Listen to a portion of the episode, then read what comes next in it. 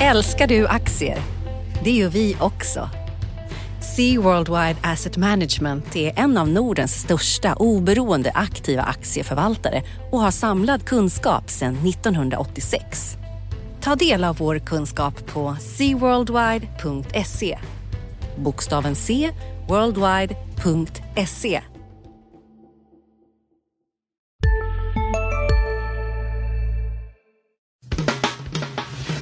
Analyspodden från Dagens Industri. Hej och välkomna till Dagens Industris analyspodd. Idag med mig Johanna Jansson och Ulf Pettersson. Hej Ulf, vad tycker du vi ska prata om idag? Hej Johanna! Jag tycker vi ska prata om, eh, det finns mycket att prata om, men vi måste väl i alla fall prata om det här med industrivärden och Handelsbanken och SCA och Handelsbankens nya VD och alla affärer som har skett i den där sfären. Vad det betyder, eh, vad som kan hända framöver och eh, hur man ska se på det. Sen tycker jag kanske vi ska prata lite om eh, om det finns någon ny VD som ska försvinna. Det har varit en hel del sånt där hela året egentligen men nästan extra mycket nu här till under sommaren och i slutet av sommaren. Ja, det har varit mumma för, för, för oss ekonomijournalister här senaste veckan med alla de här eh, turerna fram och tillbaka, eller hur? Ja, det har det varit och de har varit ganska överraskande och intressanta i sig sådär. Eh, om vi tar, eh, kan vi prata mer om, men Getingenchefen Alex Majes, han har ju bara suttit där i, i drygt ett år och likadant var det ju med eh, Frank Wang Jensen som var VD på Handelsbanken. Det var också en, en kort session som börs-VD för de där två. Men sen tycker jag också vi ska prata om lite om dina favoritämnen. Vi har ju det här Jackson Hole-konferensen som dyker upp. Det är jag intresserad av att veta mer. Så det tycker jag vi ska prata om också. Jag tycker vi börjar med det här med SCA och styckningen eller uppdelningen. Varför, varför gör man så här? Eller vad gör de och varför? Ja, om vi tar SCA så var ju eh, så ska de då delas upp, klyvas i två delar. En skogsdel, de är deras stora skogsinnehav. De är ju, eh, tror jag, Sveriges största privata skogsägare. Och sen ska det bli en del då med den här hygien, eh, eh personlig, eh, ja, alla de här varumärken med ja, toalettpapper och sånt där och andra grejer. Och det gör man det alltså. Det här är något som har varit snackats om i 25-30 år alltså. När jag, långt innan jag började med det här mitten av 90-talet och, och, även när jag började så var det liksom då skulle, då skulle Christer Gardell göra den här resan som nu då Per Boman gör, att man delar upp det. Och man gör det för att det ska öka värdet på bolaget och det gjorde det initialt här. Det var ju liksom en, SCA var ju en stor, stor börsvinnare så man gör det för att höja värdet på SCA helt enkelt. Och med de här låga räntorna och eh, har gjort att realtillgångar är liksom guld värda för, för pensionsfonder och sånt där. Och då fastighetspriserna har gått uppåt eh, och man kan räkna med att även värdet på skog går uppåt för det är en väldigt stabil tillgång. Den växer ju är det skälet till att det kommer just nu och inte... Nej, det är inte skälet. Skälet till att, det, att det, det, hade kunnat komma vilken dag som helst sista 30 åren. Men anledningen att det kommer just nu är ju att de som har så att säga velat hålla ihop SCA som ett företag med med början på eh, små plantor och sen så till liksom mensskydd. Eh, eh det har ju varit, Sverker Martin Löv har ju varit en drivande, den gamla SCA-chefen och ordförande i industrivärlden innan han fick gå då. Han har liksom sett ett, ett strategiskt värde i det här som inte så många andra har sett. Och nu är han försvunnen och nu så är Per Boman då Handelsbankens eh, starke man, ordförande i banken, ordförande även i SCA. Han gör det här för att få upp värdet på SCA och jag tror han har Fredrik Lundberg som då via industrivärden storägare i SCA goda minne och även hon eh, Helena Stjärn, Stjärnholm här, VDn på Industrivärden. Mer personer än eh, konjunktur som gör att det här händer just nu menar du? Ja det är det absolut. Det här är liksom någonting som hade kunnat hända de sista 30 åren men att det händer just nu beror på att eh, Sverker Martin Löv framförallt men även en del av hans allierade har försvunnit helt från industrivärlden och från SCAs styrelse och sådär. Och då har det kommit in eh, eh, eh Per Boman som ordförande i SCA och storägare då är eh, industrivärlden alltjämt men nu är det ju Fredrik Lundberg som bestämmer i industrivärlden och Fredrik Lundberg är intresserad av att höja värdet och det här var ett snabbt sätt att höja värdet. Eh, eh, aktiemarknaden gillade det. Per Boman hade inga problem att ta det beslutet som styrelseordförande.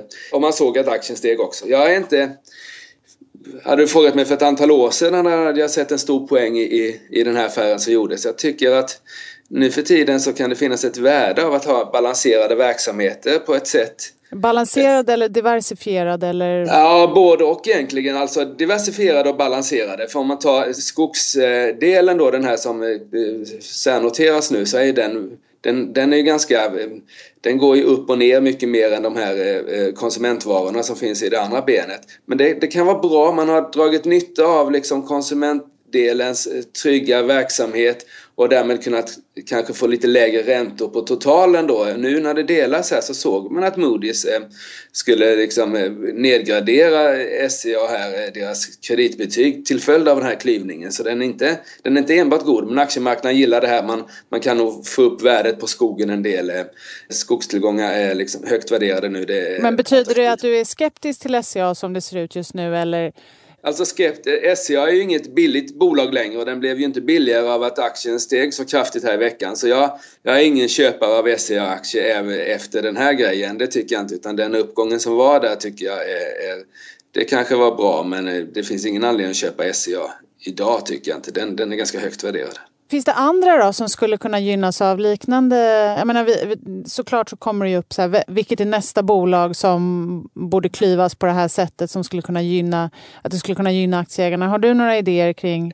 Ja, men man får väl nog fortsätta leta då i, i industrivärldens-sfären här eh, som SCA ingår. Där har vi ju Volvo då. Eh, Industrivärden är ju största ägare i Volvo och det är ju också ett bolag som där eh, det har varit mycket prat om att de ska dela upp verksamheten eller sälja verksamheten och att det inte hänger ihop i, i man har pratat ibland om att sälja Penta, de här båtmotorerna och till och med VCE, alltså anläggningsmaskinerna, de här stora gula maskinerna man kan se lite ibland. Eh, också Kommer det, hända då? Tror du, eller? Det, det tror jag inte är orimligt, absolut inte. Nu liksom Fredrik Lundberg har ju med det här SCA-beslutet och, och sådär visat att han är beredd att göra sånt där och Volvo-aktien skulle också stiga om de hittar en bra lösning på, på att dela upp det där tror jag. Och de har ju, han har ju en anförvant i, i Volvos ägarkrets i form av Christer Gardell som länge har pratat om att man borde göra sådär.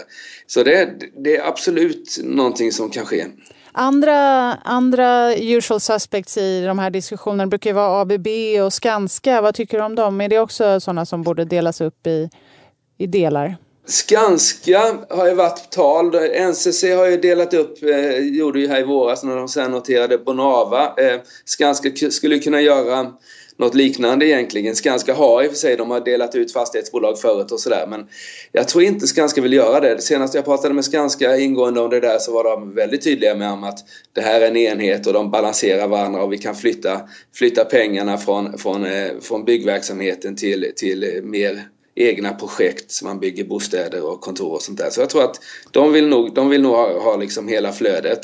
Vad det gäller ABB så, så har det också det är klart det kan komma där men, men det går ju ganska bra för ABB så jag är inte säker på att man liksom vill göra det just nu då. Men visst, Nej. det, det men kan Volvo, ske Men Volvo skulle kunna vara en sån och det skulle Ja, det, det, är någon som, det är någon som ska göra det också. Man mm. kan göra det i ABB också men det är någon som, men där har ju liksom vdn och ledningen varit ganska tydliga med att de inte ska göra det. Men i Volvo finns det ju då numera ägare som, som kan vilja göra det eh, och då men är det, är det tillräckligt för att man ska köpa Volvo-aktien idag? För att man ska tro på något ja, sånt? Ja, jag tycker Volvo är ju ett bättre case än SCA i alla fall för att Volvo är trots allt lite nedpressad här jämfört med mycket annat har ju gått starkt sista åren. Volvo har ju varit, i likhet med Ericsson och, och lite sådär, har ju varit en, en underperformer. Eh, men det är ju ett bolag med starka marknadsandelar och, eh, och sådär. Och så har ju Kina det kan ju du bättre än mig, men det, det senaste från Kina är väl att det, inte, att det liksom ser lite ljusare ut där igen.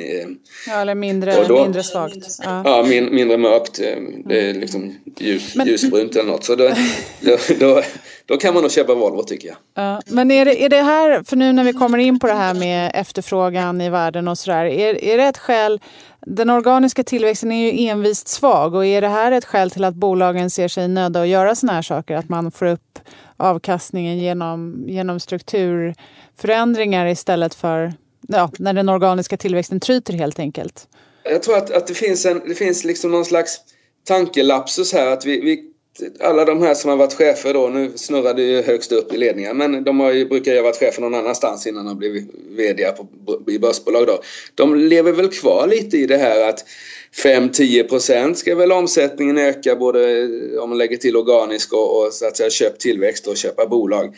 Men det är inte så lätt när vi liksom knappt har någon tillväxt alls i världen och då, då kan det bli att man blir liksom lite stressad här. Nu har vi inte sett så mycket vad det gäller företags Köp, egentligen, mindre än vad man kunde tro egentligen. Men, eh, men det är möjligt att det tar fart här efter, efter sommaren. Det finns ju en del, eh, jag har tittat lite närmare på de här Lifco och Indutrade, sådana där bolag som verkligen köper bolag och det har ju köpt till företaget, till sitt företag och det har gått jättebra för dem på börsen. Så det är möjligt att vi kan stå inför en sån här förvärvsrunda och lite klyvningsrunda och det har ju liksom, det är lite två sidor på samma mynt. Sen hade vi en nyhet här i veckan också som var Nordea som gick ihop med DNB i Baltikum det är ju inte liksom ett köp på det sättet men... Eh, jag tycker den är jättespännande. Det, där, det, är inte, det var inte så stort och sådär men jag ser det lite som man brukar se det lite i politiken här att det är en försöksballong kan man säga. När, man skickar upp en försöksballong för att Ja, man testar om det, om det, liksom, om det funkar. Alltså, om, om det visar sig att, att eh, man kan liksom slå ihop två banker lätt i denna digitaliserade värld och kunderna är kvar och man sparar pengar på IT-drift som kommer bli allt viktigare i, i framtiden här och, och, och liksom rationalisera kontor och sånt där så, så tror jag man kan göra det. Man börjar på ett litet definierat område där det inte är hela, hela världen om det går liksom dåligt. Eh, men funkar det bra så tror jag det här kan förebåda någon slags fusionsvåg i banksektorn. Eh, ja, det är ju det, det, är det man... Det är det många lagstiftare, höll på men vad säger man, vill egentligen för att Europas banksystem är för fragmenterat och sådär. Det har inte riktigt hänt än men... Om man tar den där rapporten som vi skrev massvis om eh, här från London, vad det nu heter, eh, European Banking... Ja, de här stresstesterna som var i somras tänker du på? Just det de tog ju de 50 största bankerna men skulle de gjort den fullständiga kartläggningen över Europas banksektor så hade det varit liksom mång, mångfaldigt fler. Men tittar man i USA så är de inte så många efter sin eh, krasch här under 80-talet och sådär. Så, de, vi, så vi har en ganska spridd banksektor i Europa. I Norden är den lite mer koncentrerad, alltså i Sverige fyra men i Norden. Så jag tror att, men jag tror det kan komma någon sån där affär att man att man liksom försöker. Det finns ett, ett intresse, kanske inte så mycket från, eh, från din gamla chef eh, Bengt Ste jag får säga, men, men det är det inte. Stefan Ingves. Jo, Stefan Ingves har väl liksom varit lite, lite, lite skeptisk till att vi har för stora banker i förhållande till, till, till landet då, men det kanske är mest eh, ja. Det, det, är väl mest bara för att han inte vill ta ansvar för om Nordea gör tokigheter i andra länder där, vi, där, vi, där svenska myndigheter inte har koll. Det är väl mer det. Men man, så länge man anpassar övervakningen och sådär av ja. att man har den här europeiska översynen så ska, borde inte det vara något problem. Men, men det är väl det här med att det, avkastningskraven från investerarna är höga såklart. Man vill liksom se, och samtidigt är den organiska tillväxten svag. Det är det som centralbankerna brottas med också, även om de inte använder just de uttrycken när man pratar nationalekonomi. Men liksom att den här återhämtningen sen finanskrisen har varit svag och nu nu vet man eller tror väl att den här svagheten började egentligen redan innan finanskrisen. Liksom att vi hade en nedgång i produktiviteten och det liksom hackade efter lite. Men det liksom maskerades av att Kina kom in på världsmarknaden. Och... Sista dagarna nu på vårens stora season sale. Passa på att göra sommarfint hemma, både inne och ute och fynda till fantastiska priser. Måndagen den 6 maj avslutar vi med Kvällsöppet i 21. Välkommen till Mio. Hej, Synoptik här. Visste du att solens UV-strålar kan vara skadliga och åldra dina ögon i förtid? Kom in till oss så hjälper vi dig att hitta rätt solglasögon som skyddar dina ögon. Välkommen till Synoptik. Med i frihandel och sådär runt 2000 och sen har vi lånat mycket pengar som liksom har delvis maskerat de här svagheterna. Och nu står centralbanken och kliar sig lite i huvudet och tänker så här, men hur, hur ska vi komma ur det här? Och det är liksom marknaden, där oroar man sig för att de blåser upp bubblor med de här låga räntorna. Å andra sidan, om de inte gör någonting så riskerar arbetslösheten att stiga och så får vi eh, populister som Trump och andra som profiterar på det. Så att, det är ju viktigt att hålla liv i, i ekonomin och tillväxten för att man inte ska få andra politiska och sociala problem. Men, men man vill samtidigt inte blåsa upp finansiella bubblor. Så att det här är ju liksom absolut jättestora frågor. och... Eh, som du var inne på, någonting som man då ska, som man ska stöta och blöta ytterligare en gång här i när eh, Federal Reserve har en konferens i helgen i Jackson Hole. Då. Just det. Och det, det, jag tycker det är jätteintressant det du säger för det går tillbaks till som sagt var, vi hade kanske en konstlad tillväxt strax före finanskrisen lånefinansierad. Men alltså det faller tillbaka på att eh, gamla Europa, vilket vi liksom pratar om här egentligen, är liksom en, en åldrande befolkning och inte nog med att gamla människor konsumerar mindre än unga. Lite gammal har inte liksom samma behov. Och, och man kanske, men så lever vi fortfarande kvar i den här villfarelsen att man ska ha tre 4 tillväxt. Men, men det kanske liksom inte, det går inte längre. Det gick liksom under, under en period efter kriget och sen så har vi haft liksom, eh, bra, bra demografi. Men nu att 2 eller 1,5 inte är så dåligt sett till liksom förutsättningarna eh, idag då. Det hade varit dåligt för tio år sedan men det är inte, det är inte Nej, dåligt men, idag. Men lite så är det. Men samtidigt ska man ju då, då måste ju investerarna anpassa sina avkastningskrav också. Där har man ju kanske inte riktigt tänkt med. Centralbankerna tänker ju mycket på de här liksom långsiktiga Eh, och det kanske där, men där tror jag en del av den här stötestenen, liksom problemen mellan centralbankerna de teoretiska centralbankerna å ena sidan och den mer praktiska marknaden har varit lite att centralbankerna tänker så här, var är vi i förhållande till en långsiktig jämvikt och sen så utgår de från det. Medan marknaden och då tycker de så här, ja men okej 0% ränta är jättelågt men det är inte lågt jämfört med vad räntan borde vara, säger de. Nej, den nej, ska nej, långsiktigt vara så här låg. Medan marknaden säger så här, herregud 0 det är ju sjukt lågt. Alltså, det här är kris och panik. Så att man liksom pratar lite olika språk och det gör att man mer eller med, mindre medvetet då missförstår varandra i det här. Men, men för frågan är, kan man ha 15% avkastningskrav i en värld som växer med 3? Nej, det kan man inte, men det finns ju fortfarande bolag som har det. Banksektorn har ju kvar det där eh, eh, 15 procent och det är klart att det är ju fantastiskt om man når det jämfört med 3. Skulle man liksom köra någon slags relativitet så hade det varit 5% skulle de haft 25% avkastningskrav så att säga. Så det, det, det, funkar ju inte. Men i någon mån har man ju ställt om eh, avkastningskraven eller förväntningarna om man så säger eh, inne på aktiemarknaden också. Vi har ju liksom ganska höga P tal nu, det vill säga att avkastningskravet har ju ändå gått ner även på aktier här. Och de, de aktier som börjar likna eller som, som antas likna obligationer, det vill säga fastighetsbolag med stabila förutsägbara intäkter och sådär eh, har ju varit stor börsvinnare i flera år nu och det gäller även 2016. Så det börjar komma över till Stockholm, till börsen, alltså de här väldigt låga förväntningarna på låga räntor på Stockholmsbörsen och övriga börser också. Men vi är inte där fullt ut och jag tror att aktiemarknaden är liksom lite, lite senare än, än, än eh, eh, äh, ränt, räntemarknaden på det här för att man man har inte liksom lärt sig än eller man känner inte att P25 är liksom rimligt även om det förstås är rimligt med i en, i en eh, nollräntevärld så, så vill man inte riktigt det. Man är liksom kanske rädd för för eh, eh, Japan eller något sånt där. Där handlade man bolag på väldigt höga P tal och så hade man låg tillväxt och så gick det förfärligt dåligt. Allt det här handlar ju också om hur man liksom som privatperson eller investerare, hur riskbenägen man är. Och jag kanske är lite mer riskavers, men jag har jobbat på räntemarknaden och då är man ju lite deppigare också än om man har jobbat på aktiemarknaden. Men att det kanske är bra att vara lite försiktig.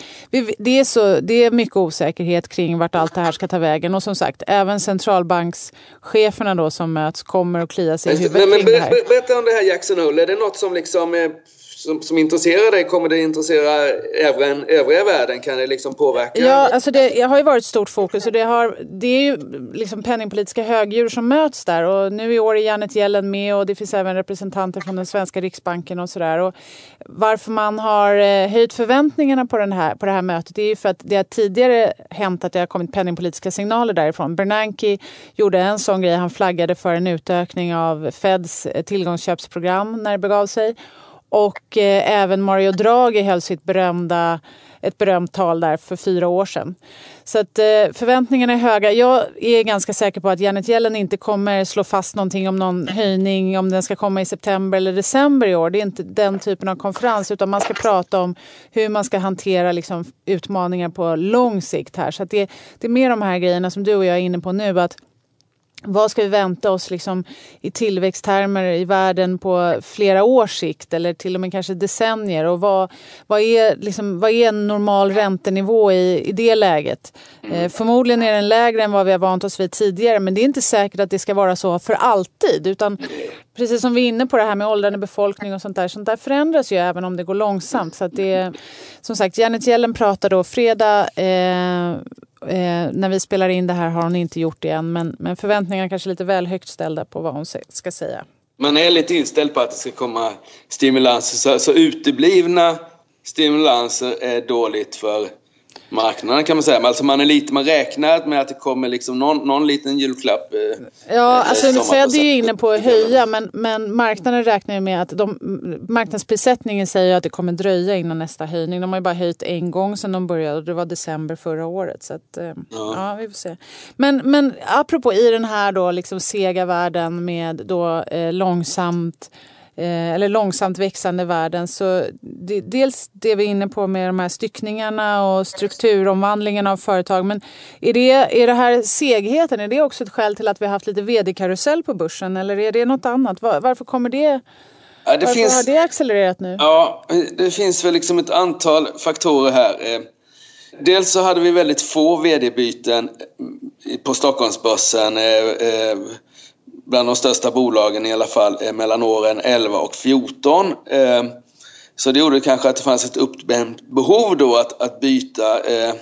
Och sen så tror jag att det har varit, sen så har det varit en, ska vi säga lite sån här företagseffekt också. Hela den här härvan med SCA och industrivärden har ju liksom, har, har ju gjort att det har blivit några byten som liksom, som, som hänger ihop där, som driver upp. Men sen har vi haft en hel del annat också. Jag tror att Ja, vad Framförallt så har det liksom varit, varit, folk som har fått sparken. Westberg satt ju en stund i och för sig, men, men Handelsbanken och, och, och, och Getinge och sådär. Eh, eh, Ratos. Eh, ja, men jag tror att den, den det, eh, ja, det finns nog en stress kanske. Eh, att man är lite mindre, mindre benägen att, att liksom hänga kvar eh, utan man vill se snabba resultat helt enkelt. Eh, lite mer sådär amerikanskt kanske det har blivit. Eh, det, är liksom, det är lite snabbare att kicka folk i, i, generellt i USA än, än i Europa har varit. Är, är man skeptisk så kallar man det här det för kvartalskapitalism? Det... Ja, det kan man säga. Sen, sen har det väl att göra också med att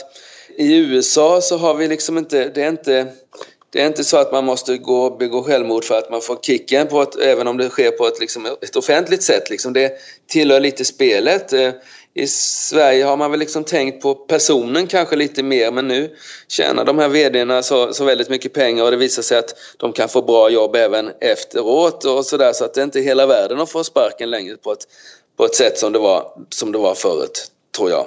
Mm. Ja. Och det känner både styrelsen och, och, så att säga, personen i fråga som får, som får lämna. Apropå, apropå det här, för att verkligen knyta ihop säcken då, eh, så kan vi, om vi går över på det som händer nästa vecka, så är det just arbetslöshetssiffror som står i fokus. Där kanske inte vdarna ingår direkt. Ja, de ingår kanske, men de, ja, men de, de påverkar inte. Nej. Nej, inte på den rena siffran i alla fall. Men, men det är väl det på makrofronten åtminstone. USAs arbetslöshet som alltid kommer första fredagen i månaden. Eh, är det någonting annat på bolagsfronten som du kommer hålla ögonen på?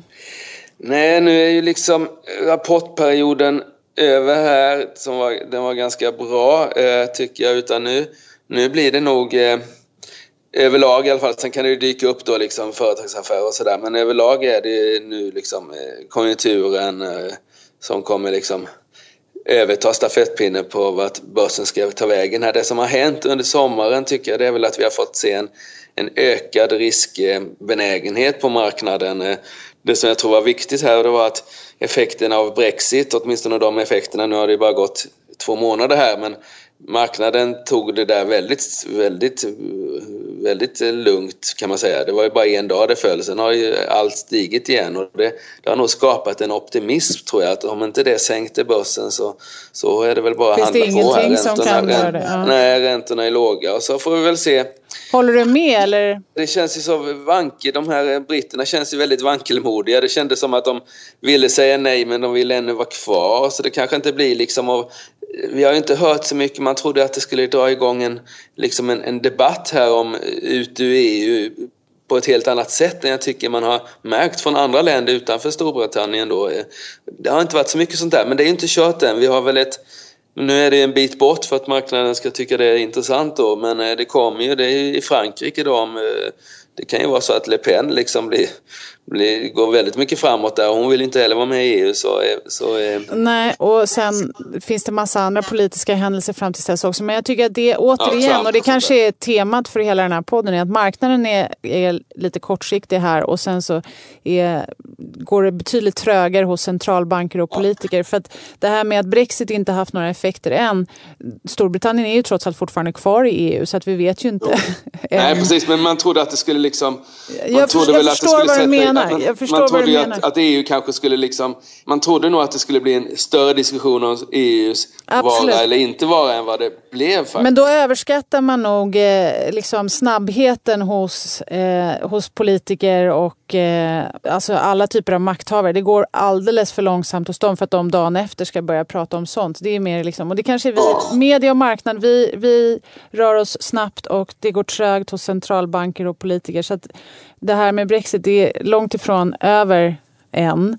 Nej, och, nej de, eh, ska ju, de ska ju ändå lämna. Det är, men visst, det ska, men det ska Eller, eller, eller hur det nu än blir. Men, jag menar, men det är ändå intressant det som du säger. Men jag, och det tycker jag nästan har präglat det, allting vi har pratat om här. Dels de här långsamma rullningarna som liksom handlar om eh, faktorer som påverkar oss, långa trender och sen så det här korta som liksom fluktuerar runt den här trenden. Och, eh, just nu är, har det varit långsamt och segt länge men företagen gör vad de kan för att få upp tillväxttakten givet det. Det är väl det. Är väl det liksom. Jättebra det. Ja, men det är intressant. Det kommer nog finnas grejer att skriva om även framöver, eller hur? Ja, det tror jag. Det tror jag absolut. Ja, det är bra. Bra. Ska, Tack. vi, ska vi stanna där? Eller? Ja, det tycker jag. Det tycker jag. Tack Bra, så hemskt mycket för idag. Får Trevlig helg. helg så Ja. får läsarna eller lyssnarna också ha det. Ja, tack. Hej. Tack, hej.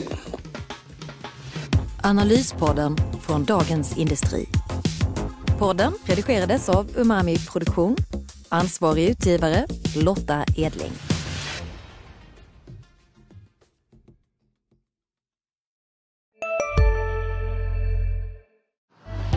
Älskar du aktier? Det gör vi också. Sea Worldwide Asset Management är en av Nordens största oberoende aktiva aktieförvaltare och har samlad kunskap sedan 1986. Ta del av vår kunskap på seaworldwide.se. Bokstaven C, worldwide.se